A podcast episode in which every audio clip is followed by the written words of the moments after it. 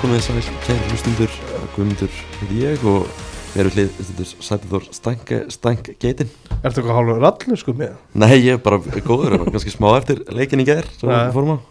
Það vorum á, vorum á haukar stjórnunni í Köruboltanum frábæðleikur. Já, bara gaman Já, mjög gaman. En við erum hérna í dag til þess að ræða, ræða ennska boltan. Við erum búin að fá frábæran gest til okkar í dag, Magnús Geir Eyjálsson, fréttamar og Rúf. Ertu velkominn, Magnús? Takk fyrir. Er ekki, er ekki rétt að kalla þið fréttamann? Jú, ég held að það sé bara rétt orðið. Já, það ekki. Jú. Þú ert, þú ert stuðnismæður Everton. Já. Myndur þú segja, segja því miður eða hvernig er, hvernig er það í dag? Síðustu svona 7-8 árin hefur verið því miður, já. það hefur ekki mikið verið til að glæðast yfir. Eða kannski bara svona fyrir með svona stutt í byrjun. Af hverju, af hverju byrjar að halda með Everton? Ég hreinlega veit ekki. Þetta hefur bara fyllt mér síðan í mann eftir mér. Uh, mjög líklega, þetta byrja svona upp á 85. Mjög líklega var ég eitthvað klóri hönda hérna á nýjönda áratögnum. Eða þá bróðum minn heldur með Leopold. Líklega eitthvað til að baka hann. Þannig að en þetta hefur bara einhvern veginn alltaf verið bara vitt identity að vera Everton maður. Þannig að ég, ég, ég man ekki eftir að Everton hafi verið eitthvað svona mjög góðir síðan, veist, ég byrjaði alltaf að fylgjast með ennska boltanum, voru þeir það var eitthvað tímann verið í titil bara til síðan þú byrjaði að fylgjast með að unna eitthvað byggar eða eitthvað svoleiðis. Það var FA Cup 95 Mm. mjög sætt moment.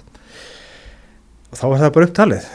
Það er, við vorum náttúrulega að risa veldi hérna á níu, í nýjunni englansmeistar 85 og 7 og svo kom náttúrulega þetta mjög vonda eh, bann á ennskliði eurokefnum á mjög svona krúsjál tíma. Þess að var til þess að klubburinn kannski náði ekkert að springa út eins og nátt að gera. Svo þegar Premier League var stopnað þá náttúrulega voru við ekki í góður stöð þá. Og höfum bara einhvern veginn aldrei náðu okkur upp í að verða alvöru leið Mhm. síðan. það er kannski svona helst þessi svona móis tími. Já, það var mjögst tíminn, það voru svona náðum fjóraðarsætinu 2004, 5 minnum mig og voru svona alltaf í svona respectable Európusæti oftast. Mhm. svo bara hafa vantaði einhvern veginn alltaf eh, þetta svona auka skref. Náttúrulega áttum ekki krónu vorum alltaf að kaupa einhverja ódýra leikmenn og sem eruðu bara einhvern veginn fáranlega góðir. Markus Bent til dæmis, Mhm. Tim Cahill og, og svona mennsku mikil art þetta Arteta akkurat, Leighton Baines þetta er svona menn sem við fengum ódýrt og urðu alveg stórkostlega góðir en eftir að Mois fór þá hefur ekki verið neitt til að hrópa húra fyrir sko. Og Var ekki, var ekki, svo afsakið að grípa inn í, var ekki alltaf ykkar maður? Tony Hibbert? Tony Hibbert, já, hann var algjörlega legendið í þessu liði. Kostaði ekki neitt. Og hvað, hátti 300 leikir bara alltaf solid, solid sjö. Svo fleiri leikmennana líka Steven PNR það það var skemmtilegur PNR var fallegur á velli. Og þannig að Jakubu Jakubu, átti sitt frábær tímabil. Lukaku hefur aldrei getið neitt annað stærni Evertón þannig að Já, Gelka, Jóbo við getum haldið endalegst áfram sko. Það man eftir þessu liði vel sko. Já, já, en svo náttúrulega á móti kemur á öllum móti svona, getum talið upp 20 dásanlega leikmenn, þá eru svona 40-50 sem vilt bara gleyma sko. hver, er svona, hver er svona helst þar sem vilt, vilt mest gleyma?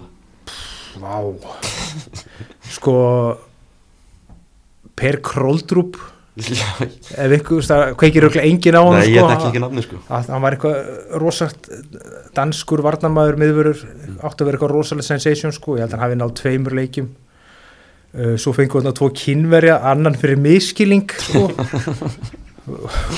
Að því komið hann í gegnum ykkur að voru með hérna Cajun hérna sponsorinn sko fengum lít hæ sem var svona afskaplega mikill meðamaður svo kom eitthvað með honum og enginn vissi af hverju sko. Þá var þetta bara hluta einhverju samningi sko en hann kom aldrei inn á fótboltavöllin var það eitthvað frendans bara eða eitthvað svona bara, þetta var algjör ágótt að hver sem maður var.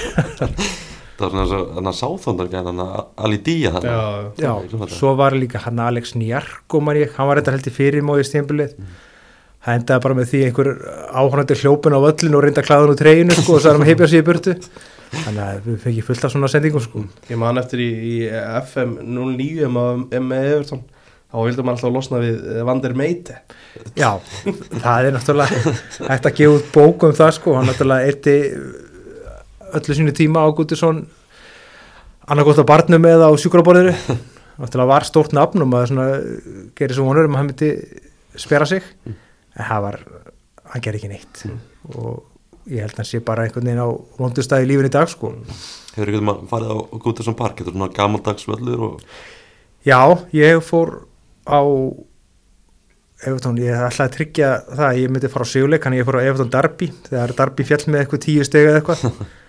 Og jú, við náðum 1-0 sigri og já, gaman að fara á völlin mjög gamall og, og ljótur og verður vantilega nú þessi tveimur árum. Já, þið er að fara að byggja nýjan völl. Já, hann er langt komin sá völlur og maður bara byggði til Guðsum að sá völlur verið notaður í úrvastildinni en ekki Championship Mástu ykkur skoraði markið á móti Darby, minna hefur Líón Ósmann Ríkan Ósmann. Hann er svona svolítið legend líka. Hann, Já, hann náttúrulega er einn af þessum uppöldu. Var mjög vannmetinn svona tala 50 kíló pínu lítill en rosalega góðum boltan. Mhm. góður svona playmaker. Og svona fekk aldrei kannski þetta kredit sem hann átti skilið sko. Að, Algjörlega. En hver er svona besti leikmaður sem þú mannst eftir í Everton treyni? uh, besti er náttúrulega Rómil Lukaku held ég sko. Það er gæði sem skora alltaf 20 pluss mörg sko eða bara fáralegt hann hafi verið yfir á þessum tíma sko, og þetta lengi. Þannig að já ég held að það sé Arteta náttúrulega var yfir á sínu præmskeiði sko. Hann var alveg magnaður.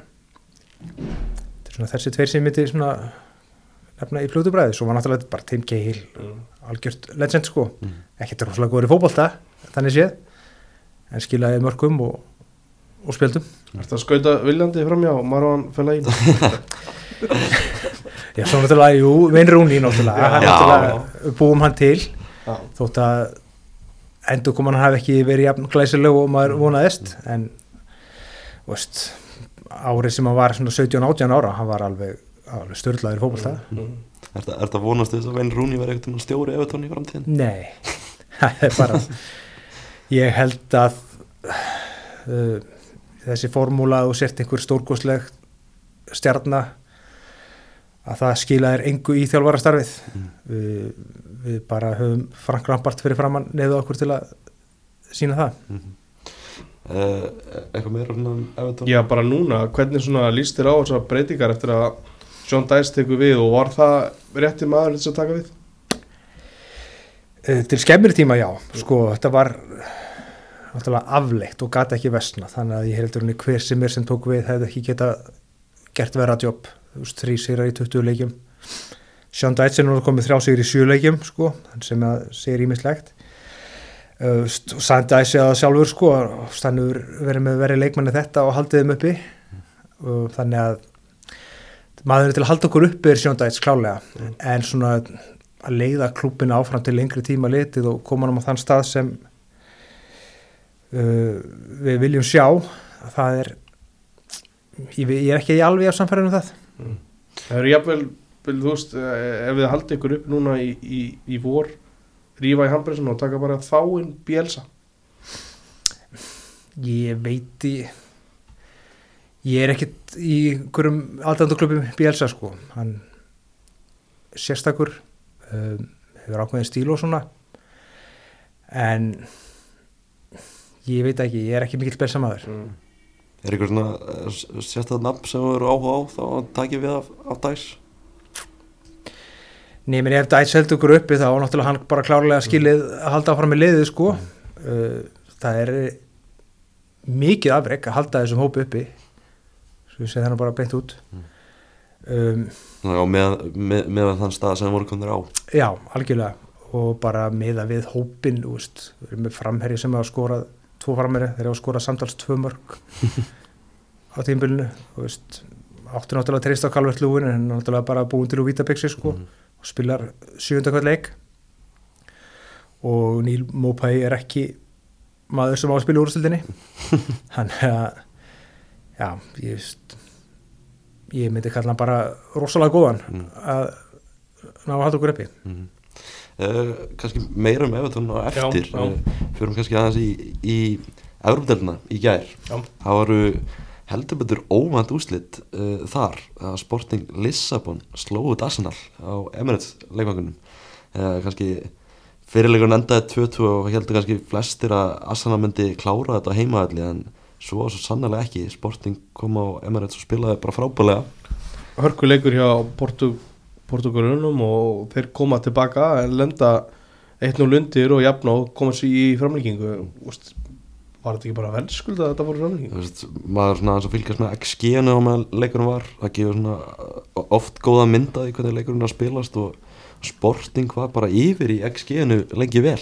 Svona þegar seint var komið í leikin og Græn Saga kemur hann aðsannar yfir en Petro Gonsalves jafna fyrir sporting á 60. annar mínútu með einhverju rosalasta marki bara sem maður hefur séð á síðust árum. Bara, já þeir vinna boltan á þeirn á miðsvæðinu og þeir eru rétt komin yfir, yfir miðju þá lætur hann bara vaða. Já, yfir ramstil sem er ekkert eitthvað sérstaklega framalega þetta er bara frábært skot. Og þannig að við vorum að tala um áðan, þannig að það er eiginlega ekki hægt að skrá þetta eitthvað á, á ramstil þótt þetta sé nánast frá miðju mér finnst það ekki, mér, þetta skot er bara ég, ég hef aldrei ég man ekki eftir að sé jafn svona hárun ákvæmt skot á svona löngu færi sko. Mhm. og svo náttúrulega þetta fer í framlengu og, og vítaspunnikefni uh, ef þetta- ef þetta útöðlamörkin hefði verið þannig ennþá þá væri Arsenal komið áfram en svo er ekki hvernig svona finnst þér um að, að útöðlarregluna breytt Magnús? Ég, mér finnst það bara breyting til þess betra sko. það var veistu, leikindir urðu ekkit það var pælingin uppræðanlega að fá meiri sóknarbolta í þetta uh, að lið myndu actually fara út í villi og reyna að skora ég held að það hefði ekkit orðið liðustaf, liðin voru að spila þetta svolítið taktíst inn á þetta Mm. þannig að og ég get ekki séð að á þeim leikið sem hafa verið á þessu tímbili að þetta komi niður á sóknarboltanum eitthvað? Mm. Ég finnst þetta persónulega bara breyting til þess betra að það sé engin útöðlamörk og þetta þú veist, sé bara svona. Það eigur náttúrulega, náttúrulega líkunar á, á það er það, leikindi geta enda eða er enda jafnir og viðregnuna það var alltaf framlengt. Mm. ég finnst það bara jákvæmt Já, þessi leikur þú veist, þetta, þetta fer hann í framlengu fyrir svo í vítaspunnikefni það sem Gabriel Martinelli hérna, klikkar meðan Sporting skorur öllu sínum spinnum. Ramstil var svona í nokkrum boltum en náði ekki að verja eins spinnu og, Sporting klára þetta útrúldin satt. Uh, Arsenal, þetta fór bara eins illa þetta gat farið fyrir þá. Þeir dett úr keppni, farið í framleggingu og missa þarna hvað, tvo leikmenn í meðsli og Gabriel Jesus tekur bara hálfleik líka. Saliba meiðist. Þetta var bara eins slæmt á að gerist fyrir Arsenal Já, og er kannski fyrsta skipti sem er verið fyrir alveg mótlæti í vetur og það verður bara áhverð til að sjá hvernig þeir spila úr því sko. Mhm. það, það hefur bókstaflega allt fallið með þeim mm -hmm.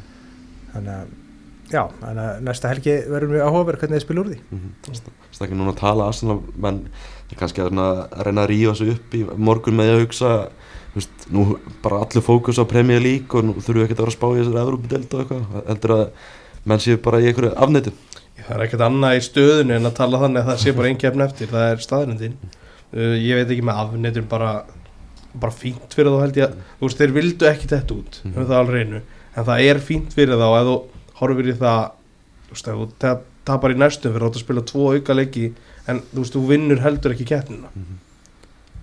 Ma- ég held að það sé á, veist, ágætt fyrir á Ég- þeir áttu að sjálfsögðu möguleika að vinna keppnina í, en voru kannski ekki alveg jú, jú þau voru eitt að þrejum kannski líklustu liðunum Mhm. en klikkuðu á þessu prófi trossart fær færi þarna sem að þess að minnast á í, upp, í framlengingunni mm sleppur í gegn og á skoti stöng það er svona mér, mér varst það svona merkjum að þetta væri ekki að fara að ganga sko.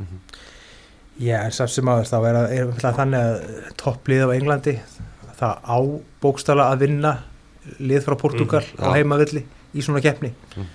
Þannig að það er bara lélegt hjá Arsenal. Já, þetta er líka liðið sem er í, í fjórðarsætti í portugalsku úrvastöld nákvæmlega þess og heldur í fjóruðasetti, Já. í, í þryggjalega keppni. Já, þetta sé fjórðarsætti það er eiginlega ótrúlega Þannig að hann bara virkilega vel gert hjá Sporting líka með spennandi þjálfara í Rúben Amorim sem er, hefur verið orðaðið við félagi ennsku úrstildin ég held að það sé bara tímaspörs málhangu til að hann tekur við liði í Premier League. Hann er, sé, hann yngre en- hann færtur til þessi 35 ok, fjö- eitthvað. Hann er reglulega orðað við Já, hann sko. er mjög spennandi þjálfari. Endar potið til ég, það er mjög gott gísk það er mjög gott gísk eh, maður var svona farin að hugsa um uh, svona úsleitaleg í þessari keppni. Að er þið Manchester United Arsenal. Það er, var svona drauma úsleitalegurinn en fáum það ekki.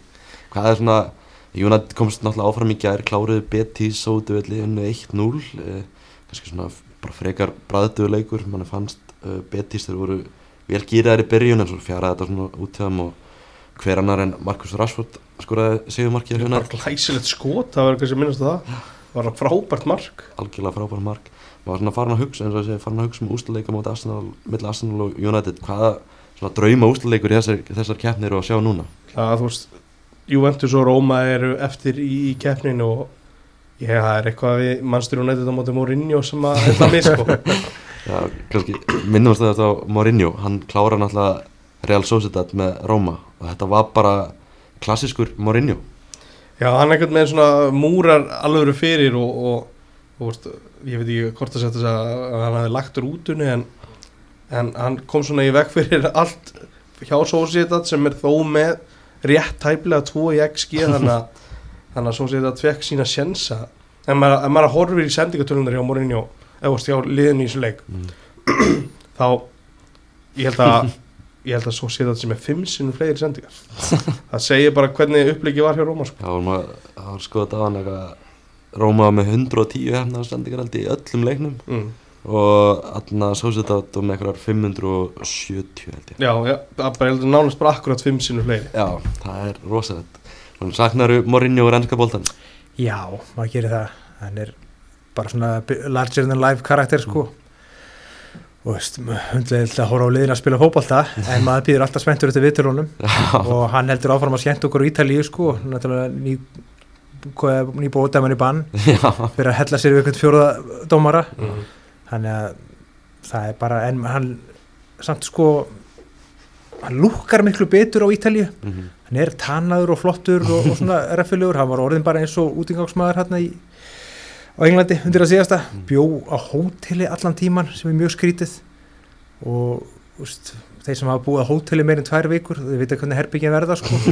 þannig að hann er bara, ég held að hann sé að pluma sig vel á Ítalíu sko. Já, maður hefur svona þá tilfinningunum líður ansi vel hana í Rómaborg Já, algjörlega og það, hann er alveg elskar hjá Róma Mm. og að því hún nefndir viðtölin á hann hann alltaf hendi í eina neglu líka eftir leiki í gær. Að því að Lazio dettur út úr sambandsteildin sem er náttúrulega erki óvinnir e, Róma þá, hen, þá henda hann í, í þá sneiða já, er, ekki, er, er, þá, er þá fjóruða Evrópukefnin fyrir þá? Fyrst eru fallinu þessari. Bara klassiskur næsta öryggisnett svo er líka sterkur á samfélagsmiðlunum líka sko. Já hann, er- hann er mjög sterkur á. Instagram. Já, Það er mikið að posta þar og gaman að sjá. Kannski minnast að þess að hann Sigur Betis að, að gegn Betis aðeins meira. Vát Vekost náttúrulega byrjar alla leiki hann að Já, hann er fyrsta púsl og svo bara stilt upp í kringum hann. Harry Maguire fekk þennan séns og svo fekk strákur núngi Facundo Pellistri sinn fyrsta byrjunlegsleik Já, hann var bara sprækur en, en svona leikurinn bara þess alveg merki að, að, svo- að betið styrtu þrjú mörg til þess að breyta einvíðinu og veist, koma í framlengingu. að ég held að allir hafi verið meðvitað um að það var mjög ólíklegt Já, að myndi gerast. Það var gaman að sjá Joaquín byrja að báða leikina og hann var í að skora hann er orðinn 41 á skamall kallinn. Já, hann verður 42 ára í júli Já, var að spila í 16 útlutum Evróp til þess ég var, sá okkur að myndum dag, sko. ég sá okkur að myndum daginn það var svona fjallum HM 2002 og þá var hann svona á fossiðinni svona eitt svona ungu leikmenn til að fylgjast með. Já, núna eru núna 21 ár síðan og hann er ennþá í fullu fjöri. Hann var bara góður í þessu leik hann var mjög góður í þessum leik sko. Hörku skot sem hann átti í leiknum. Uh, kannski aðeinsvægt í liðsfólun hefur United líka Jadon Sancho sem er svona að koma tilbaka eftir andlega og líkamlega vandamál. Hann er ennþá svona að byrja á bekknum og ekki að koma sér alveg í gang. Já, það er eitthvað, eitthvað hyggst á honum og ég veist hann ekkit hann er alveg átt eitthvað einkomur eftir, eftir sína endurkomu en ekki alveg heillað og Antonija Langa, hann fær ekki marga senja sænska undirabandið. Já, Everton vildi nú fá hann í januar Já, já, já við, veist, ég sakna þess ekki úr liðinu sko. Ég alveg trúa því. Var ekki einn af einhverju 30 sem að gáttu ekki fengi Já, þetta listin hafi verið upp á 40 leikmenn og við fengum engan. Sem er alveg bara átakanlegt sko. það er mjög gaman að fylgjast með Evertón hann á var svona, vorum að taka hann Mm. um daginn og ég var á kvöldvagninu og klukkan, klukkan held ég að 10, 11 litið um kvöldi þá var þá voruð þið farnir að, að reyna við Ismaila Sar í Votvort Já, þetta er bara sýnir eiluna hversu hvað sem maður, ónýtur klúburinn er að innan sko, þú, þú ert með enga frammerja og aðal frammerjinn meitur, þið skoruðu ekki mörg. Þú hefur heilan mánuð til að kaupa frammerja Mhm. og þú skilar engu. Eina sem þú gerir er að selja Antoni Gordon. Þannig að það segir í bara ímislegt hvernig klubnum er stjórnað. Já, og Anna, Ant, Salun Antoni Gordon hann hefur nú ekki kannski ná, blómstra ennþá hjá Núkasúl hvernig svona bara leiðir með að veist, láta hann fara? Bara rosalega vel, hann verður komin í Bristol Rovers eftir tvö ár, ég get lofað eitthvað því. Það er bara við höfum mörg svona dæmi Jack Rodwell uh, Ross Barkley. Ross Barkley, Francis Jeffers og bara svona menn sem einhvern veginn uppaldi gaurar slá í gegn halda þessi orðni stærri en klúburinn og svo bara einhvern veginn endaður uppi í næri dildunum eftir 23 ár. Mm. Það er bara, hann var ekki búin að geta neitt Anthony Gordon, Nei. nákvæmlega ekki neitt hann var eiginlega farin að kosta okkur stig bara eins og þarna í leiknum út í Southampton sem við töfum heima Mm. og þú veist, að fá 40 miljónir við bara hlægjum allar leið í bankan sko. Já, maður svona ég held að mér þess að Núkasúl stundum menna að hugsa bara hvað erum við að gera hérna að borga 40 miljónu punta fyrir þannig að hvað hefur hann gert Íst, hann átti nokkra góða spretti síðasta leiktið Já, en það er eiginlega bara upptalið sko. mm. Það vandaði ekki upptælingur í höður Dan Gosling líka Dan Gosling, takkaði fyrir þannig að það eru margir svona leikmenn maður. Já. já, þetta er alveg endalust og ég held að eigust nánast bara, jú, John Stones hefur hann að pluma sig Já. og hann og Vein Rúni er eiginlega undatekningin sko. Já. allir aðrir einhvern veginn hafa bara ekki borið sér bara sko. mm.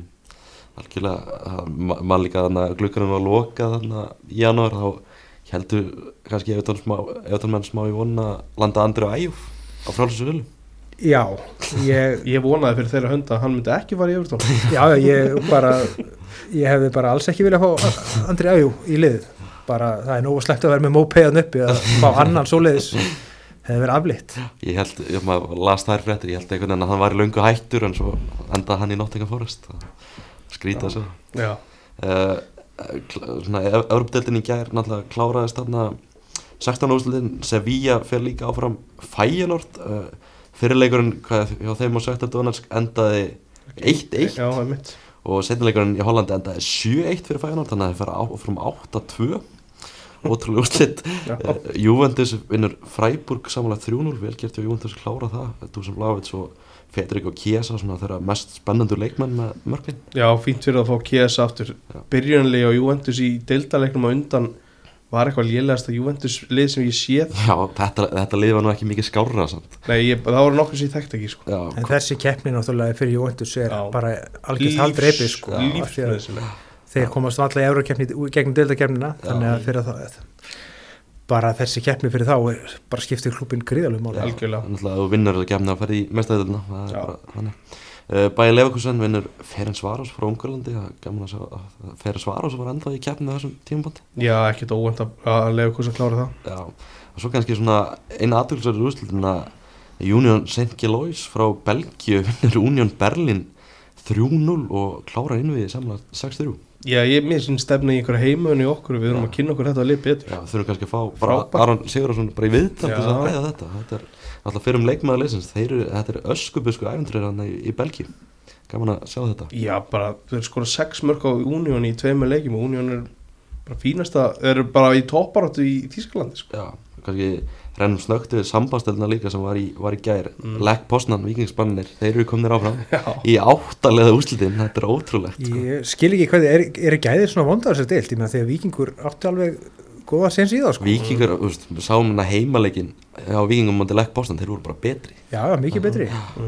Tóku það í framlengingu líka í sennileginum og bara, maður pælir í því, sko, hvort vikingur væri bara komnir á þennan stað sko. við vorum að ræða þetta á hann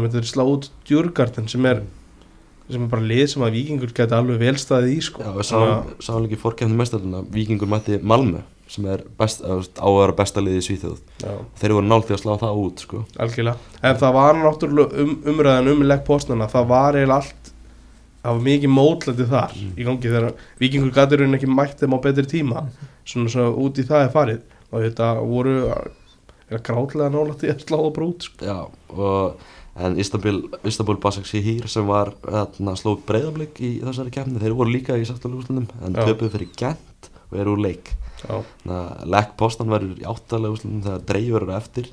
Uh, Fiorentina slæður út Sivaspor frá Tyrklandi.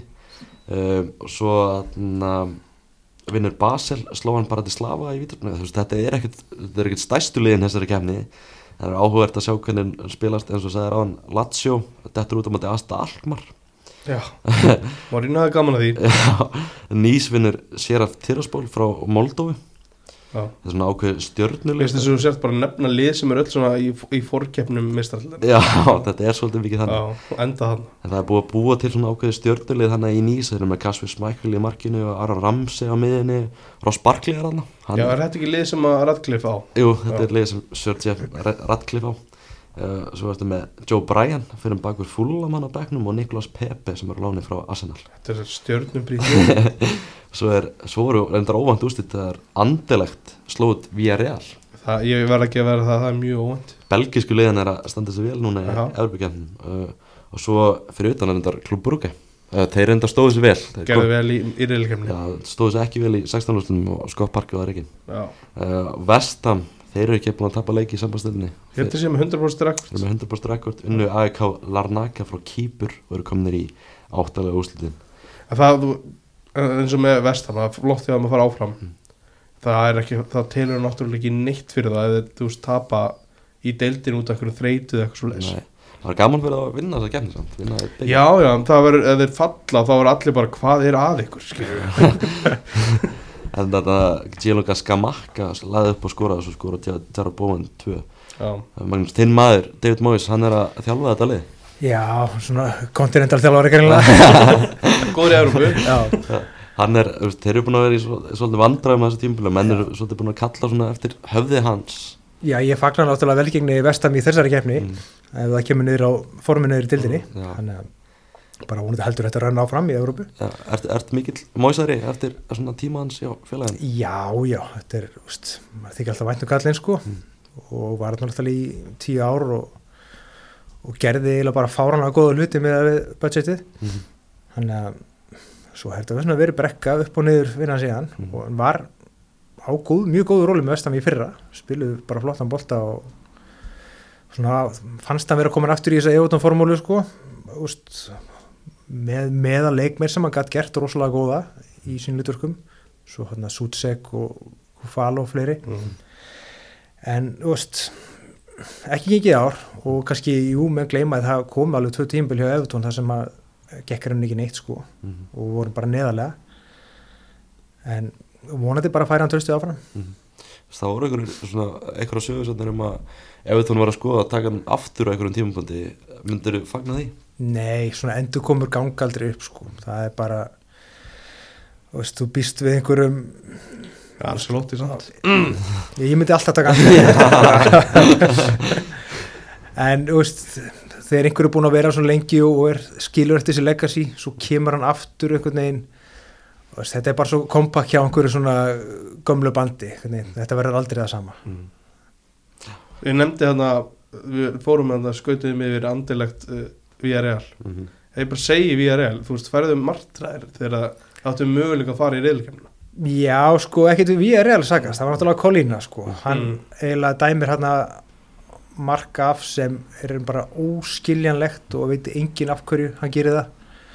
Og það er henni já, varð bara það, það sem gerði út um þetta einvið sko. Þetta var mark var fullkomlega löglegt og það hefur engin mikið skýringar á hvað hann var að dæma. Mm. Hann hefur ekki tjáð sig um það sjálfur ekki eins og ég hef hirt sko. Hvað, hvað, ára var það aftur? 2005 2005, já, Já. þegar þið lendið í fjórasetni já, förum í umspili komist í mistæðdeldina Já.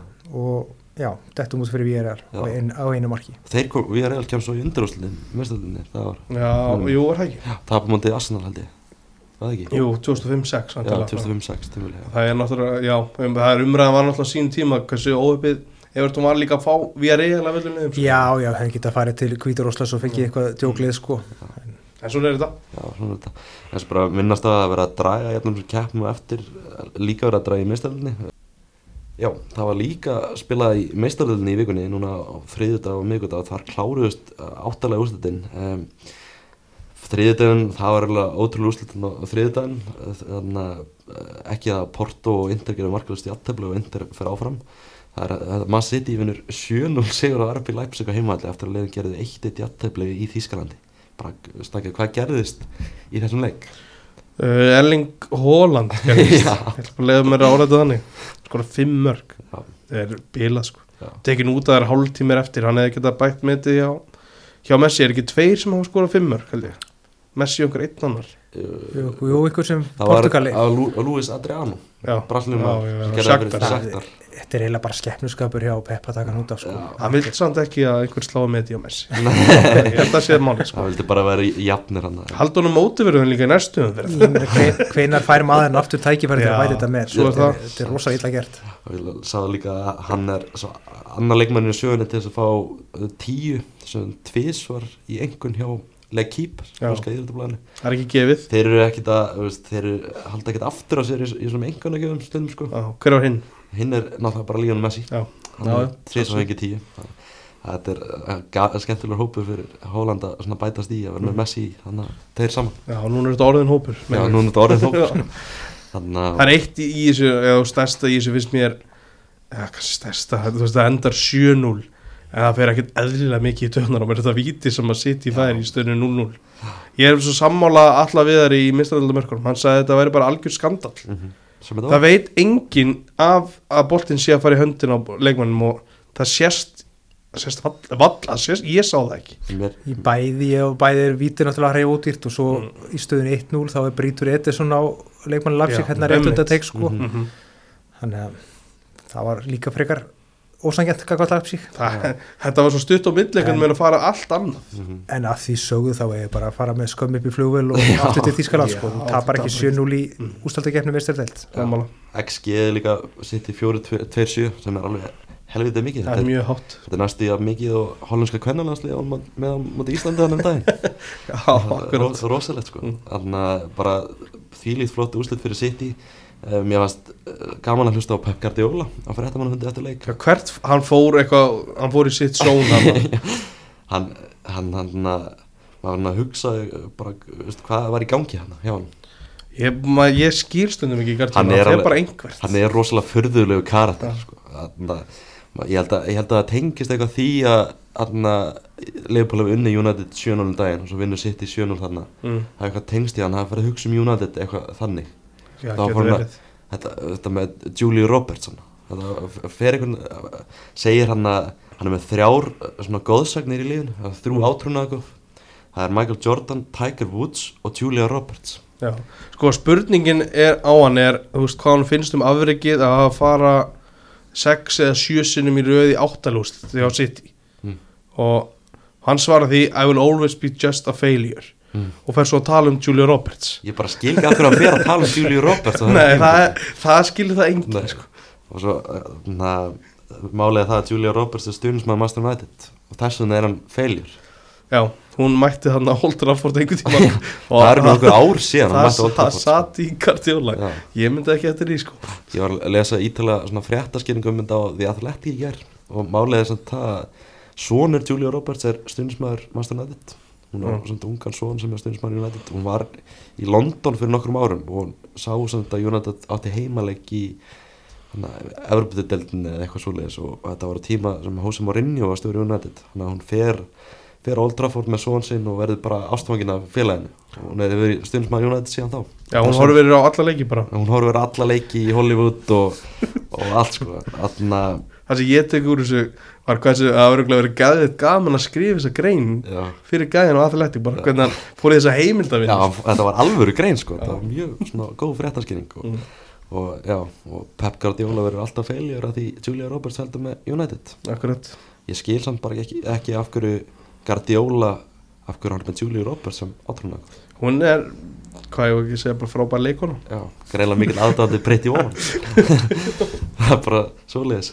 Uh, United ger náttúrulega bara óspart grína þessu á, á samfélagsmeilum Já, já, það var gaman að því þeir, þeir fóru ákvað að rifja upp þegar hún kom í heimsókn. Já, það skutu og, á City og svoleiðis. Stráðis allt í sárin. Það skil til að bæta við þetta Kim Kardashian hann mætt á Emirates í gær til þess að Arsenal fallu leik. Hún var ekki kannski eini óvænti gestur vikunar nei, því að Úsmann Dembele kíkt að leikja er uh, góð Þú útskýrðu það eitthvað, hvað var það? það. Hann og, og Louis Dreyfus sem er eigandi Sönderland hann er, þau eru jafnaldar 25 ára gammal eigandi Sönderland franskur, eru báðið franskir Mm. eru góði vinir um, og Dembele er samt að glima meðsli núna hann að hann ákvað bara að skella sig fær til Sönderland og horfa á Sönderland Sheffield United í Championship Já, eins og maður gerir bara. Skemmta sig vel, Sönderland tapa 1-2 á móti Sheffield United. En kannski Eh, þannig að það var líka leikar á meðgudaginn Napoli vinnur 3-0 sigur á Frankfurt. Uh, Viktor Osimhen. Þetta er alveg spilar já það var einn sérfrængur sem sagði að það væri mörk í honum. Já. Ég tek undir það. Hann er, hann er búin að búa sér til svona gott orðspor núna á Ítalíu og maður gerir áfyrir hann fari í ennskúrustöldina eftir tímpil Já, ég veit að það þarf, náttúrulega að háa upp að þess að fá hann í burtu frá Napoli. Það er alveg klárt, hann er bara heitasti frammeirinn í dag ásamt Holland, Kane svo þar á eftir finnst mér. Já, Svo náttúrulega er Napoli með vöru sem heitir hvar að skilja Já.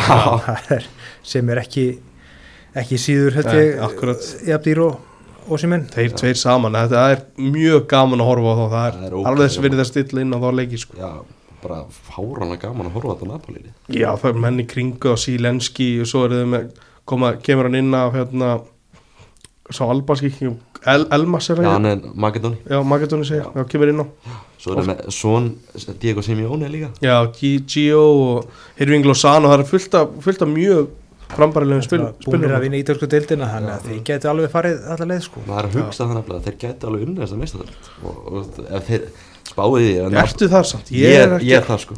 Ég, ég veit það ekki, Mér- af því að þessi ítalska deild er ekkert að heilla mig húst hinliðin í, í henni sko. þeir, þeir eru samt með, hvað, er ekki með þrjú Ég veit, hva, já, ég, ég, það, mér finnst það eiginlega pínu ótrúlega Það er eiginlega máli sko. það verður líka bara, veist, þetta Napoli ef, ef þeir fara allavega í mestöldinni segjum þeir vinna hana, vinna svo ítalsku úrstöldina þetta tímabil færi bara Já, já, bara þetta er þó að er já, þó að það hefði bara verið mistöldin og ekki deildin þá var það líka stórkostið tímabil. Það var líka engin bara búast þessu tí, fyrir tímabil Napoli selur stóra byssur síðasta sumar að missa Koulibaly til dæmis fá Kimmin sem Pá er Kim Min Jae-in sem er búin að vera bara ótrúlegur í verðinni hæðin einhver sagði besti miðurinn í heimi Já. svo þú veist hann er búin að vera frábær. Já, en þú veist, bara sem Master United stundum hann að dreymir manni bara um Ossimenn Já, klálega. Já, Ég held að þetta sé fyrsta sinn sem að Napoli fer í áttaljóst í sögu eða í sögu þessar þessu fyrirkomulagi eða eitthvað. Frábær árangur bara líka að rosa Anna Luciano Spalletti. Já, búin að bara Lið. búa til frábært lið. Búin að búa til frábæra liðseld og frábæra lið. Uh, Real Madrid, Liverpool 1-0 Já, og eins og varst þú eitthvað tímann að búast við ótrúlega endur komið þannig Nei, ég veist það er, svo- er svona ekta leifupúl einhverju svona endur komu sigrar sko. Mm. en gegn Carlo Ancelotti og Real Madrid það var það bara ekki fræðilegur. Mm. Það var einhvern veginn bara aldrei möguleiki. Og mann fannst Liverpool aldrei líklegt í þessum leik. Nei, með veistum, James Miller í byrjunarliðinu þú ert ekki að fara að vinna Real Madrid út af villu sko. Já, ma- maður sá á samfélagsmiðlum Þetta er svo góð punktur. Það var, það var einhver færsla hann hjá eitthvað Anfield Watch á Twitter. Já, þegar Milner fer út af Já. og hver kom inn á ég var akkurat ára að minnast að bara að maður sá þessa skiptingu. Alex Oxlade Chamberlain Já, innan bara- fyrir James Miller Þetta gerast 2023 hjá Liverpool er ótrúlegt ótrúlega dæmi sko og veist, þetta, mann líka veist, Da- þetta Darvin Núnes sem var búin að vera þeirra sprækasti maður fyrir að velli snemma í setna áleiknum Já, af hverju er hann tekin út af samt? Það er enn, ok, 0-0 Það er ennþá smá gluggi þarf bara eitt mark Já, þess að opna þetta. upp, sko. Þeir eru ekki að spila um helgina Er það, er það kvíla fyrir landsleikina? það var nákvæmlega Þetta, er að ótrúlega sko. skrítin ákvörðin og þarna búin að vera þeirra svona sprækasti maður Já, því að hann var ekki að spila illa Það er Nei. málið, sko algjörlega og svo þarna, Karim Benzema kláraði þetta á 78. myndi eftir undirbúning frá Vinicius og bara daggerinn Já, mikla aðstóð frá Konate og Van Dijk í afturðarparinu Já. Ég veit ekki alveg, þeir, ég, Van Dijk er búin að, við rættum þetta síðast já, Hann er svolítið, hann er svolítið töffari í vörninni já, Svo gerir fyrðulega hluti, sko Róki í honum sko Já. já.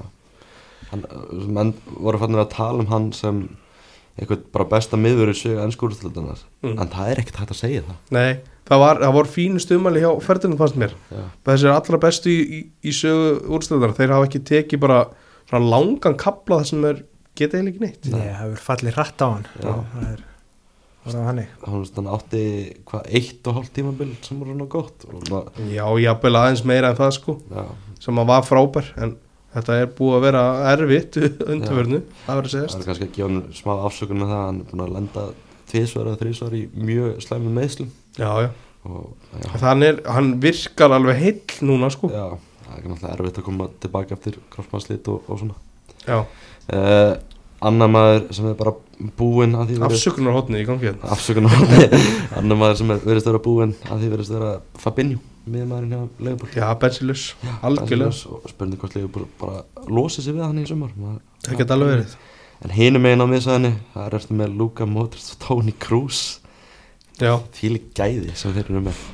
Já klála, mér, varst áhugaður umræðin á, á Viaplay um þá að því að, þú veist, þeir blöndu náttúrulega þú veist, og ef þú horfir í aldurinn, mm -hmm. þá eru þeir alveg komnir, komnir svolítið svona setna árin, en þeir eru ennþá að spila frábælega, Já. þannig að af hverju ættur þú að hugsa um að, þú veist, að, að setja það alveg til liðar, Mm. þú veist, þú hel, heldur þeim ekki og ert bara klár með Kamavinga og, og Tchouameni, það er ekkert menninni sem eru úst, þeir eru ekkert að sprengja upp leikinu eða hraða akkurat. eitthvað svoleiðist Mm. menn sem kunna fótboll upp á tíu Mm. og geta bara þeir lifir það líka bara greiðlega stert hjá Real Madrid þú veist, þeir eru búin að erfitt tíðanbili í spænsku úrstöðinni en samt kom þeir áttalústi mestarinn til alls líklegir finnst manni. Já, mér veist það, og mistu náttúrulega að seldu Casemiro á síðustu sumar. Þeir eru bara búin að leysa það ágætlega allavega í þessari kenni Já, ég, það breytist í rauninni ekkert er rosalega mikið hjá þeim. Ég veist þeir að miðjumennir eru, eru, eru svona svipaðari þegar engin svona augljós kannski sem að situr er alltaf sitjandi Nei, það, Miðjunni. Þessum leik ertu með Kamavinga sem er kannski svona smá í, í Jú, smá í því hlutur ekki vissulega. Kamavinga verðist vera bara svona allt múlíkt hann spilir vinstir bakur um daginn og svona. Já, það er vilja reyndar ekki að hann það mikið af því. Nei, eftir leik sagði Ancelotti að, að Vinicius Junior væri besti leikmæri í heimi.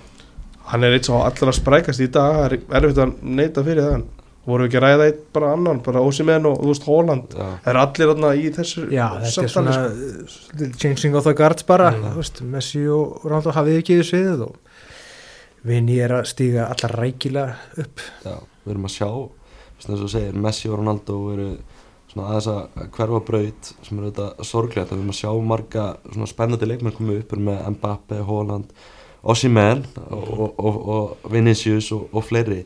Þetta verður kannski svona jafna núna, við tölum með besta leikmann heim, heims erum líka með veist, Lewandowski og, og, og fleiri góða. Veist, með Ödegard og Saka frábæri hjá Arsenal Já. Rashford hjá United. Já, veist, það er engin svona, einhvern veginn, þetta verður, mann tala kannski um Mbappe og Holland, þetta verður kannski ekki bara tveir langt bestir næstu tíu ári Nei, Dwight McNeil hjá Everton. Já, Dwight McNeil, gleymum honum ekki, Ellis Sims þetta er svona eins og bara þegar Sovjetriki liði þessu sundur sko, þetta var bara bandaríkinn Sovjetrikinn sko, svo allt í nöfu bara komið fullt af öðrum playerum sko. Já, algjörlega. Þannig að Bellingham, sögum hann ekki eins og Já, Bellingham, hann er góð sko. Mm. Þannig að áttalega, það dreigði áttalega eftir Já. uh, Leifupúl náttúrulega dotti út núna þeir geta farið að embita sér að ennsku Ég úrvastöndin ætla að láta þig gísk Nei, hvernig þetta færi drátturinn. Nei, ég vil láta Við ræðum, ræðum hann bara eftir helgi eða ekki? Látum bara Marketti um að uh, Leifupúl getur farið að Marköttin. Marketti Leifupúl getur farið að embita sér að ennsku úrvastöndin eins og Arsenal. Mhm. uh, Þannig að Ertu með einhverjum drauma við þau stangið í áttalega úrslunum Svo vilt sjá. Í Sitt í Chelsea City Chelsea Já, ég verði til að sjá. Þetta er að vera gott eða? Bara fínt að taka, taka klára það af að ennsku liði mætast Bara núna. Að fá eitt ennslið í undarúrstöndin Já, bara flott. Ég sá að Graham Potter var einhverjum svona einhverjum ráðstefning er hann var að tala um að vinna næsta leik í, í deildinni og klára svo helst mestaröldina Já, sagði það, Já. helvits Já, hann sagði fucking Er það? Það er rosalegt. Hann uppskar mikið fögnuði það. Já, uh, það var líka tveir leikir í ennsku úrstöldinni í, í vikunni. Brentford vinnur Sáðantón farið aðeins að hallenda fæti á Ruben Selles Halla undan fætti Hann náði punkt á móti United. Já, það var gaman að sjá það í fréttamandu fyrir þennan leik. Þá kallar hann eftir virðingu. Virðingu? Já, Er hann bara komið þanga eftir fjóra leiki? Já, hann sag- sagði sko að menn væri að tala alltaf mikið um tæklinguna hjá, hjá Casemiro og það já, breytt leiknum hann sagði að vildi fá rós fyrir framistöðuna á móti United Það voru flottir sko en þegar, en þegar þú ert að sti- stilla fram því og volkott þá getur lítið gert að sína líka virðingu þegar þú nærið ekki nema jættefla á móti tímanliði Mm. United Já. og fer svo í næsta leik og tapar heima á móti Brentford Færði það Þetta er bara Já, hann fer hann að tapar á móti Brentford og Sáðantón er ennþá fast við botnin nákvæmlega með 22 stík og líklega til að falla sko. Já, ég held að það sé alveg klárt sko. Mm. uh, fyrramark Brentford í þessum leik skorar svona margum talaður Evan Tóni landslismæðurinn landsliðsmaðurinn valin í ennska landstópin hann er náttúrulega búin að vera mikið umræðin upp á síkast þegar hann braut þessar veðmálareglur sem hann er búin að að játa sög já, já, og er á leiði í langt bann en hann er samt í ennska landsliðin sem er eiginlega bara stór förðurrætt sko því að ég hef hvað að tala um að banni getur orðið frá hvað sex mánuðu og upp úr. Já, Mhm. þetta, menn voru að tala um þannig að þetta er það minnstakosti sex mánuðir og þetta er ekkit sko, þetta er ekkit smávælu brot. Þetta eru hundruð veðmála Mm. á sín eigi stegi lið. Mm -hmm. var það ásett eigilið líka? Nei, Þetta, Nei. ef þetta í ennsku úrstöldinu þá má- máttu bara ekkert veðja þú mátt ekki veðja neitt fótballtaleiki í heim sko. brotavilin er slíkur sko þetta er, þetta er ekki tilfallandi sko. Mhm, mhm. og ef ennska knæsmyndsabiti vil setja fordæmi þá verða það bara að gjöra svo vel að dæma hann almenlega ég heldur hefði gert það með að velja hann ekki í háumhópin sko. Já, og líka náttúrulega ennska knæspilsambandi og ennska landsliði þetta er náttúrulega bara undir sama hatti sko. Já, já, og hann er búin að játa þetta og það var bara eftir að dæma í þessu svo er hann bara að fara að mæta í ennska landsliðin Já, hann er, veist, já, skrítið mitt að velja henni þetta vitnu það að hann verður ekki næsta Mhm. hóp. Fyrir mig, mér veist það einhvern veginn skrítið að þá býður ekki upp á þetta continue, þetta þetta skilur að að hafa hann í tveimur hópum í röð til dæmis að, þetta er, hann er bara að fara að vera í þessum hóp ekki næsta öllum líkindum sko hvað Marko stóðsend í gæsuleika Já, ekki? Markus Stóðsson í þessu leik með framistuðu þá var hann náttúrulega alltaf að vera í Já, smá frábær. Það er sérstaklega kemur vítaspil, hann fýttir þeim. Já, hann er mjög góður þeim. Það er bara virkilega flott tífumbil sem hann tóni er já, uh, Crystal Palace tapar svo á mútið erkifendur sínum í Brighton og þá eru stóra fréttir af Crystal Palace í morgun. Þeir ákvaða að reka Patrik Vera já, á degi heilags Patriks er það ekki smá högg? líka rýting. Já, sko þegar lið er með verra sem maður, verri framávið heldur en Evertón þá uh, bara er brottrekstur ofumflíðalegur sko. Já. og er ekki búin að skota marki yfir 200 mínútur Já, sem er alveg bara ævintýralegt sko. Já, þannig að maður skoðar þetta en maður er ekki alveg búin að gera sér grein fyrir þess að Crystal Palace er búið að spila 27 líka tímbilu hann skoruð 21 mark. Það er alveg ótrúlega lítið. Já, og með líka leikmenn eins og Saha og, og veist, Esi, svona menn sem geta töfrað og Lise líka, hann er frábær Já, Já. en vandamáli er kannski þá að Eduard og, og hérna sem vinur þinn Jordan Ayew já, hvað er það Mateta. Mateta. Já, það er engin mörk í þessum gæðum sko. Nei, já, maður held svona að þið kefti Eduard og hann myndi nú setja eitthvað mörg en það er Þetta er einhvern er- veginn, hafa Silsson út í ratan sko, maður er ekkert búin að fylgjast með Palas Mm. lengi svo skoðum á töfluna og þeir eru ekki nema þreim, fjórum stíðum frá falli sko. Þetta er náttúrulega ótrúlegu pakki hann sko. hver er ekki ennþá í tóltasæti? Þeir eru í tóltasæti Þetta er ótrúlegu pakki frá 12 til 20 að munna 5 stigum og Pallas eins og það segir eru 3 stigum frá fallsæti Já, og Í þeir eru 12. kannski í versta formunu já, þannig að, að því leiti er þessi brottreistur mjög skiljanlegur. Er búin þeir og Lester sem eru í vestaforminu Já, Já. þeir eru ekki enn búin að vinna leik á árinu 2023 nei, það er bara voru örgulega hvað líklegast er þarna á á Trafford bara. Já, já. Það er, að, maður verður einhvern veginn stressar að horfa á þann leik. Já, en maður skoðar hérna Independent, Independent er búið að skrifa grein uh, taka svolítið, frá veðbökkum hver er líklegastu til að taka við. Mm. og Magnús það er gammal félagið þinn Rafa Benítez Já, Sem er ég efstur á bara óska engum þess að þurfa að fá Rafa Bínundis í sitt leið sko, bara hræðilegu þjálfari og vondur karakter og bara þú vilt ekki fá hann sko. Við þess að fáu Krista Pallas menn bara segi bara sko hjálp ykkur sko, það er raunin. Já, skilabóð til Magga Bjö og félaga. Já. næstir á lista eru Ralf Hasenhútul og Nuno Espirito Santo, Santo Marcelo Bielsa Carlos Corberan og svo ertu með Steven Gerrard og Frank Lampard. Ég myndi bara taka, við rættum þetta á hann ég myndi bara taka Hasen út sko. Hasselhúll, það er bara þetta sé þú veist, gengi í Southamptons á þessari leikti sínir að hann var kannski ekki vandamáli þar. Já, já, einn vinn sem heldur með Krista Pallas ótrúlega satt, ég spurði það á hann vatna, með, hvern viltu fá í starfið? Hann segir Thomas Tuchel. Já, það, hann, hann ræðist ekki á gallan þannig að lægst. Já, ég ránaði með metnaðin Já, Ef þið geta fengið hann, já, takkið Já, hann. Takkja hann. Það er þið, sagði til næsta bæjar ef Thomas Tuchel myndi mæta á Selus Park, það er þið eitthvað það var ótrúlega stæðan sem maður hefði séð. Var, hvað, var Solly Mart sem að rak síðasta Já, naglæðinu fyrstu? það var Já. Tökum. Hann fekk loksins ja, hann skoraði mark í, í mars. Mm hann svo sem skoraði líka um helgina en eins og umræðan var hjá fantasy spilur þá fekk hann ekki skráð í fantasy. -hmm. Nei, því miður Ertu með henni Patri? Já, Og hvernig líður þið með þetta? ég er búin að vera með hann núna nokkuð lengi og hann er loksast að delivera sko. Já. það er, það fór í smá lag þarna eftir keft hann sem vill oft verða það er alltaf þannig sko það, um leiðum að færa eitthvað leikmann í liðið sitt þá er alltaf smalað þeim sko Já, ég er ekki múið að skoða mitt lið núna svona tvær þrjár umferðir. Það er, það er örugglega- eflaust allt raukt þar Já, Bræt og Kristaf Pallas þetta er M23 þetta er baráttunum M23 og hérna brautina. Já, Eh, Áhugaverður skemmtilegur nágranna slagur hann Mm. Bræton hafði betur og heldur eh, endaði ekki markalust hérna fyrirleikurinn jú gott ekki. Spilaði hann um daginn og ja, hann minnir að það hafi verið mjög leiðilegu leikur.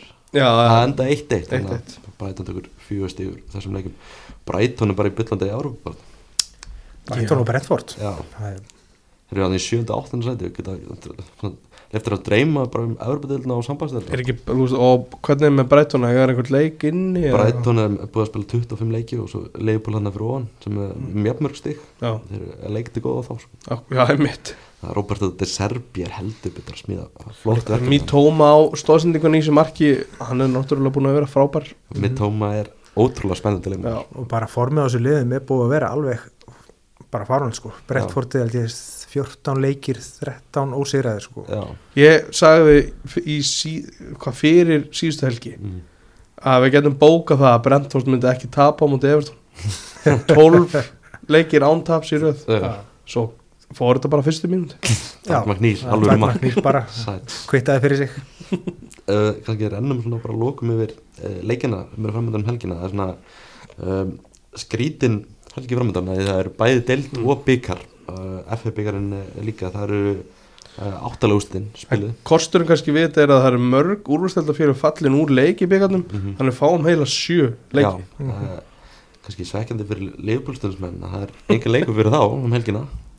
Þeir þurfa bara að en núna er þess að hann er að kvíla vel. Já, Ég núna veit þurfa að það. kvíla vel. Já. leifbúlstundsmenn þurfa að fara inn í landsleika hliðið bara með þetta tap á móti Real Madrid á bakinu og tap á móti Bormóð alltaf um síðustu helgi. Það sé, ég held að það sé svolítið sárar að þetta tapa mútið borm Já, Já. erfið dagar fyrir er meiri sem ég sveið það sko. Ég held aldrei með Liverpool nema í síðustum umferð. Sjáðu Akkurat. Hvernig heldur þú að liðinu, liðið núna? Eh, Þeir eru sko það væri rosalega gaman við værum bara einhvers vegar með að deild Mhm. og, gætum notið þess að sjá Liverpool bara falla í örindir sko. Já, en það er bara ekki þannig, við erum fimm sunnu verri og, og það er bara ekkit gaman hvergi í borginni sko. Ég held sko um daginn þegar Evertón fór á Guðsson Park að myndu actually bara gera eitthvað. Það, það, það var þeim tíma sem Liverpool var bara mjög slæmum stað búin að tapa nokkurnum leikum í röð og það var bara ekki á góðum stað og svo fara þeir þarna og vinna Evertón 2-0 á Anfield. Já já, það var bara fyrir sjánlega sko. Ég var fórin leiki með núlvættingar og, og það bara gekk eftir. Já. Það var einhvers það, það var umtalað hvað þetta var léleg framistæð hjá Everton. Já, og úst, annar leikurinn höfðu ætt sko. Mm. maður svona gefur hann það. Þess að sveið meira var Aston Villa leikurinn. Já, Mm. Sá, úst, ég hafði trú á því að eða hefði munni hann þá væri við nokkurn veginn svona mjög, mjög góður róli. Mhm, það var helvíti skellur að tapa þeim leik. Já. Umfyrin í ennskólustöldinni að einn af leikjum helgarn er í kvöld þegar Nottingham Forest mætir Newcastle. Það er, Já, maður er bara yfir sér spenntur. Já, þetta verður fjörugur leikur. Já, eflaust. Forrest á heimavelli samt, það er alltaf talsvert áhugaður að heldur að þeir eru útivelli. þeir eru alltaf að sjens Já, það er mitt uh, Þú vonast vandalega eftir útisýri já, ég vonu nú mjög vinni sko. Er Nottingham Forest er ennþá í þessum pakka þannig þeir, Já, þetta er eins og að segja maður, þetta er rosalega pakki og þeir eru bara tveimur stífum frá alls og hafa verið svolítið að gefa eftir sko, Já, hafa ekki verið að vinna mikið undanfærið maður sér hérna prógraminu, þeir heiksta svolítið upp á síðusti Já, en það er svona með formið á Newcastle og Forest þá er þetta alveg öskrandi í að tefli Já, maður sá, sá í gæra að Forestmenn voru svolítið leiðir á samfélagsmennum að Morgan Gibbs White, það var ekki ennska landsfólni hvað eru þeir eitthvað bil?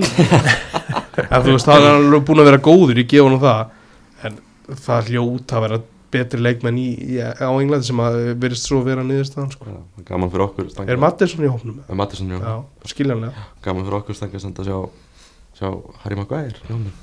Gaman, já, Já, ég gæti ekki verið bara bara ótrúlegt að hann sé fá alltaf kallið sko. hann náða 100% skil. Hvernig þú veist, metur þú það bara, þú ert alveg hlutlaus vanandi Maguire Væri hann ekki bara flottur í Everton? Nei, nei, nei, nei, alls ekki Við hlýtt Tarkowski hann er sko ég held sem við allt saman að það að United er á stórt fyrir hann sko, þetta er á stórt svið. En úst, hann getur alveg tjöflast með Lester og, Mm. og, og svo leiðisliðum, Mm. ekki það ég, það er engin eftirspilnum eftir hann hjá mér. Hæja hans á varnalegnum já, Er en já. við erum líka með sko fimm miðveri sem er alveg allir fínir sko. Mm. þannig að við erum ekkert við sjötta. Er einhver leikmaður í hópnum sem að þér fyrst vera búin að spila of mikið eða allt og lítið eða eitthvað svo leis sem að bara, og öskra á bara af hverju er þetta svona, í hjá Everton? Evertón Já. nei, í sjálfu sér ekki sko. Veist, mér farst Svætmæður Níl ekki geta neitt. Bara aldrei fyrir John Dice tók við. Hann Mm. greinlega kann að íta okkar að takja honum. Dukúri var ekki búin að gera neitt. Algjör metnaðleysi svo kemur Dice við og gerir honum bara leikmann veist, það er eiginlega enginn sem að meira búin þetta er búin að vera svo jaft lélegt að það er einhvern veginn ekki verið neitt, neitt að saka sko Af hverju er Andros Townsend búin að fá nullleiki? hann mittist bara mjög illa í fyrra Já, og já. hefur ekkert Hann er ennþá bara að stíga upp í því. hann er bara á hægjum með þá sko. Og samningur rennur út í sumar hann er, Nýja það er, nei, það er búið að afskrifa hann úr okkar bókum Ertu við með sterkar skoðun á Ben Godfrey? já, mér, ég er hefin á hann sko. Úst, það er kannski svona eitt, tvö tímbil til að skóla staðins betur til lendur náttúrulega eruðu meðslum í höst Mm. en hefur fullt af potential sko, hann er alveg nöyta börðum vann píptestið sem Sjón Dæts komið þarna á fyrstu æfingu Já, ok. þráttur að vera búin að spila minnst sko. Mm. þannig að þetta er algjör skefna Já. Gamla góða píptesti Svo ég vil náttúrulega alltaf sjá Holgate í liður Það er Já, það er kannski svona, já, svo leikmaður sem ég hef svona verið að öskra mest á í gegnum okay. sjónvarsjáin, já, ok. ekki, ekki mjög ekki látandi mm. Og Það er skellur. Sændaði sig við það með sér að hann er ekki að tefla honum mikið fram. Það er- er kannski annar leikmaður sem er í Evertón sem er kannski búið að afskrifa. Hann er endur ekki Evertón núna hann er alveg alli. Já, blessaði drengurinn. Þetta er eiginlega bara mjög sorglegt sko hvernig hefur við farið fyrir honum. Hann er ekki með 26 ára. Og Ma maður myndi halda hann eftir ná eftir sko. fyrir svona fjóru-fimm árum held maður að þetta er bara leikmaður sem væri bara alveg í efsta klassa Já, maður mann sko Hose Mourinho ætlaði að kaupa hann til United á mikinn penning Já, já Já. Tottenham vildi ekki selja þá Svo að þú nefnir Mourinho það er svona íkonist atriði í þáttunum tóttunum þáttunum þar sem hann er að ræða við Alli Það er bara, fáralega flott já, atriði, sko. og horfir á það atriði núna einhver þrjum árum setna Já. bara að hann segir við hann þú vilt ekki horfa tilbaka og vera vonsveikin með effortið skilur Mm. Ég held að Alli sé akkurat núna Já. þegar hann einhvern veginn er ekki leng, hann er bara person non grata hann í. Tyrklandi sko og setja hann úr aðaliðinu hann er ba bara bannaður núna já, og veist, með að við svo ofbúslu hæfileika sem hann hefur sko Mm. að þá er hausinn bara einhver staðar, allt annar staðar Já. þetta er mjög sorglegt Já, með Tottenhamennina í spjalli fyrir tímabil og þá töluðu hans um Del Alli og þeir töluðu um upp, uppvöxtin hjá honum Mm. hann hefði verið erfiður veist, bara fjölskyldan þú veist, var bara ekki vel sett og hann þurfti að fara til annara fjölskyldu og til þar þannig að það er örgulega spilar inn í hjá honum Já, kannski líka þú veist, svo þegar hann er búin að spila vel með tóttunum í smá tíma fær hann vandarlega smá þú veist, launahækkun og þá kannski þú veist, er kvatringi alveg jafn mikill mm -hmm. Fræðin kannski Nú er ég bara að gíska sko, mér Já. líður eins og þetta sé ekki einstæmi með svona dæmi Nei. Nei, nei, bara því miður hann verður í næstu séri á Island eða eitthvað sko. Það verður eitthvað alltaf að stanna fótboll Já, að vonandi verður hann Hann ætla að gera flotta hluti sko. Já, maður er svona, ím, getur bara ímynda sér að skórnir sér bara, veginn bara leiðið på hillu Já, það er ég hef með að það er bara þú veist, við þekkjum þetta skref Ravel Morrison Já. núna, Mhm. hann verður kannski tekur eitt tímbil í mandarækjunum, fer kannski til Svíþjóðar eitt tímbil og, og svo höglast er einhvern raunverulega þátt. Mm. þetta er greið, Ravel Morrison hann er núna í DC United og er bara ekki hóp hjá Vinn Rúni Já, þetta er erfitt. Já, það það eru eru nokkuð svona dæmi. Kannski Paul Pogba hann er svona dæmi núna. Hann er í agabanni og meittur og Já, ekki, ekki, ekki góðu tími sem hann er ég er ekki tala um Pogba sko. hausin ekki alltaf alltaf sko. rétt skrúar á, á þar á bæ. Uh, en Dele Alli svona dagis sagði í, í, gær held ég að að staðan verður svona tekin með hann í sumar. Veist, er eitthvað möguleiki á að dæsarinn ná að endur þess að Nei, fyrir það er líka bara eh, samningur hans er þess eðlis þetta voru 40 leikir sem þurft að ná þá þarf að koma til einhver greiðsla til Mhm. tóttinam Mm. við erum ekki að fara að borga þennan penning til þóttina fyrir Deli Alli sko. Nei, Hann þarf að vera eitthvað ótrúlega góður á undirbúrstíðum svo Já. Everton gerir það það að um, Svo eru leikir á, á lögatan líka Aston Villa, Bournemouth fall, uh, svona, vonast eflaust ekki til að Bournemouth sækja eitthvað stig þar? Nei, nei, ég held með að stóðum vilja þeim leik Já. heldur líka Brentford á móti Leicester. Já, nei, þetta snýst bara allt orðið núna um að önnur lið sé lélæri en við. Þetta snýst ekki hvað við erum að gera, hvað við erum góðir það er bara hins sé lélæri, það er svona það er viðmiðið. Þessi lögatar er svolítið mikilvægur fyrir það er svona efri, liðin í efri hefnum eru að spila á móti liðin í neðri hefnum. Tottenham, Southampton og svo, svo er endar fallbarðislegar hérna Wolves Leeds. Já, uh, Wolves vinnur ég hef trú á Wolves að þeir haldi sér alltaf uppi. Já, það er eitthvað svona, uh, nött, svona element í þeim að þeir er ekki bara að falla. Er það ekki besta liðið þarna í neðri í þessum pakka? Jú, ég myndi halda það. Lester náttúrulega í, ef þeir líma sig eitthvað með saman sko. tóku náttúrulega Leifupúl og sláttriðum á korteri sko þannig að þeir eru aldrei að fara að falla. Þannig að jú, ég set mitt betta Wolves Mm. þar. já. að því að við erum ekki að fara að taka neitt á móti Chelsea. Þannig að Leeds samt hafi Gracia, stangið þinn maður. Ekki minn maður en að, hvað ætlar að, hvert þetta fara með þetta Hann er ekki alveg að ná að sprengja þetta upp. Það kemur ekkert á orð það er akkur ekkert ekki neitt. En svo, hann 17.30 á lögadaginn Chelsea Everton, já. þú hefur ekki mikla trú á þessu? Nei, sko, úst, fyrir þrem vikum voru öllu að vinna Chelsea. Mm. bara sama hvað sjöliðlega voru. Bara, Sáðan Sáðantón vinna það, var einhver, já, það var einhver ára yfir Chelsea bara þeir gáttu ekki keitt sér sigur. Nú erum búin að vinna tvo leikir í deildinni. Mm. taka Dortmund í meðstæðdeildinni úst, Potti farin að brosa aftur. Þannig að ég þetta er bara vond tímasetning að hitta á Chelsea og þeir taka þetta allan daginn. Það er eiginlega hak í gólfu ef að Chelsea vinnur ekki sko. Já. Veist, er eitthvað smá von fyrir Everton? Að fá alltaf kannski stig út á þessu leik? Þú veist, Sean Dice er góður að múra fyrir. Já, ég meina, úr sem komið er þá er bara veist, uppleikið á að vera bara að vera horrible, að vera alls góti nógu Mm. mikil konsin á vellinum og vera leiðilegt að erfitt að spila við okkur. Fjóru fyrir tveir. Já, já, og bara beittir álbæðar úti og svona. Það er ekki sem er að fara að skora hjá okkur Mm. ekki nema að við fáum hotspinn og Tarkovski stangjaninn það er vonin Mm. en veist, svo bara Chelsea liður bara svo óbúslega vel mannað Mm. Störling er farin að finna sig aftur mm -hmm. það er ekki gott fyrir okkur Havertz er vaknaður Havertz vaknaður, þannig að ég er meiri segið eða þannig, ég er að fara að taka nokkra selsimenn í fantasiliðið mitt sko Já. ég skilða uh, Er Dominik Lúvan að vera að byrja það? Hvernig er staðan á honum? ég hugsa að hann geima hann fram yfir landsleikja Já, að það sé svona hann er öruglega bara veðja á það úst, þetta hefur alltaf verið þannig hann hefur verið mittur í tíu leiki svo kemur að spila þrjá og er farin aftur á sjú, sjúkra bekkin Mm. ég held að Dæts hafi bara ákveðað þegar hann kom inn hann ætlaði að ná hann góðum og trist á það að hann deliveri í síðustu síðustu tvo mánuðina mm -hmm. Og hann hættir honum ekki í þennan leik. Mm. það er, er mjög skrítið. Eh, því ef hann spilar og meiðist Mm. Þá er það bara, bara glæpsanlega vannagslega sko. Það síndi sig á móti Arsenal. Hvað Everton getur samt spila vel? Já, já, algjörlega, það er alveg sko ég spáði hérna á upp.net spáni hérna fyrir tímbilið 17. sæti er þið frábært. Okay. þannig að júst, það er alveg við verum ekki Southampton lélegir Mm. eða Nottingham Forest eða Bournemouth lélegir Mm. ef við samt lélegir sko en ekki svona lélegir Þú veist, eh, horfum bara töfluna þess núna þú veist, Everton er akkurat núna í 15. seti einu stíði frá fallseti hvernig bara meturu líkunar á því að Everton haldur sér uppi er þetta 60% líkur, 70%? ég myndi segja 50-50 sko 50-50. ef þú skoðar leikinni sem við um eftir það er nefnilega ekki rosalega margi leiki sem þú horfir og segir herra þetta eru þrjú stygg Mhm.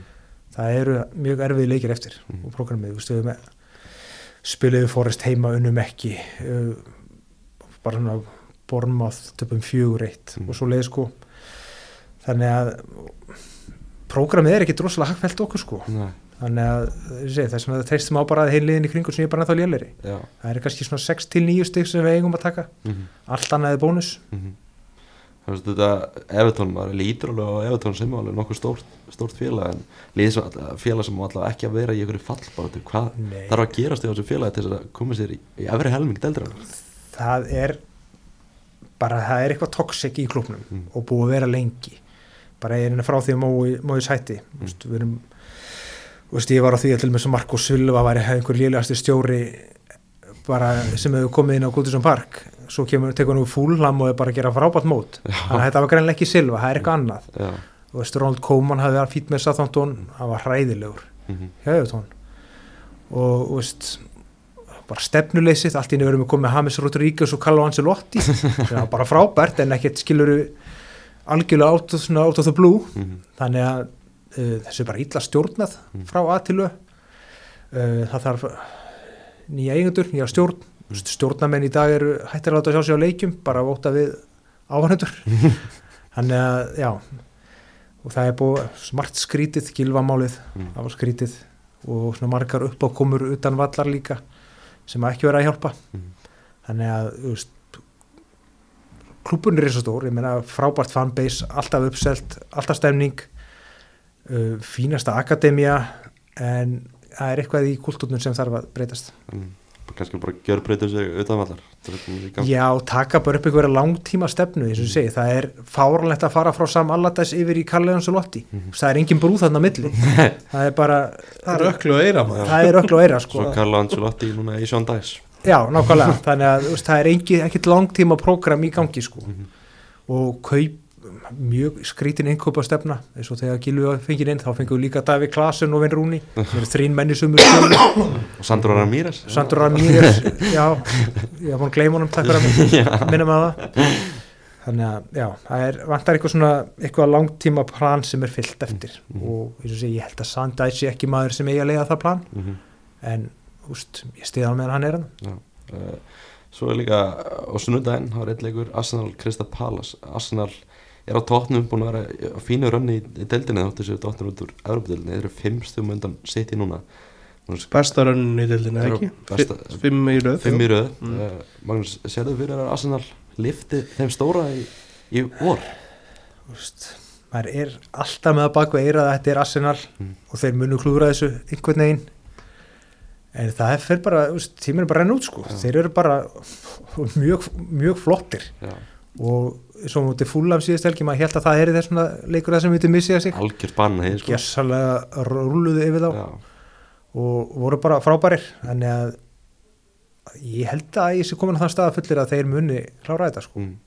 það er erfitt að vera með sitt í aðna hælunum en þeir hafa núna það fórskot að sitt í berjast í öllum keppnum. Já, og sitt ég bara ekki búin að vera það samfærandi að að það sé eitthvað óflýðilegt að þeir ná- náu því. Mm algjörlega uh, bara að minnast aðni alveg í blálókin uh, áttalúslit í bygganum uh, byrja á lögadags kvöld það sitt í mæti börnli, það verður svona áhugaður leikur.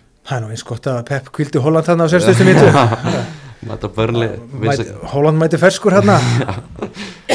Vincent Kompany að mæta aftur á Etihad Vincent Kompany búin að gera frábæra hluti með börnli í Champions League Jói Berg, spurning hvort hann fóði að byrja á Etihad Já, er gaman, það er gaman að sjá það. Síðasta leikur í landsleika Já, vonandi bara ef hann byrjar að hann meiðist ekki þá eftir um hann í, þessa landsleiki. Uh, á sunnudaginn eru svo þríleikir uh, Championship slagur á milli Sheffield United og, og Blackburn. Klugan 12, Brighton Grimsby Town klugan kortur yfir 2 og svo klárast þetta með leik Master United og, og Fulham klugan 16.30 spurning, það er svona kannski mest spennandi leikurinn, er eini úrvastölda slagurinn í þessum áttalega úrslitum. Það United klára þetta á móti Fulham Old Trafford? Já, ég held að það sé svona nokkurn veginn. Ef Rassvort byrjar þá var hann bara þá var þetta bara gefið. Já, þá voru við bara að slúta sig, ég held að það komið gott hjá okkur í dag, bara takk kærlega Magnús fyrir að koma í heimsónd, það var virkilega gaman að fá þig, bara takk fyrir. Svo ræða og bara, já, skemmtilega velgi framdann, takk fyrir að hlusta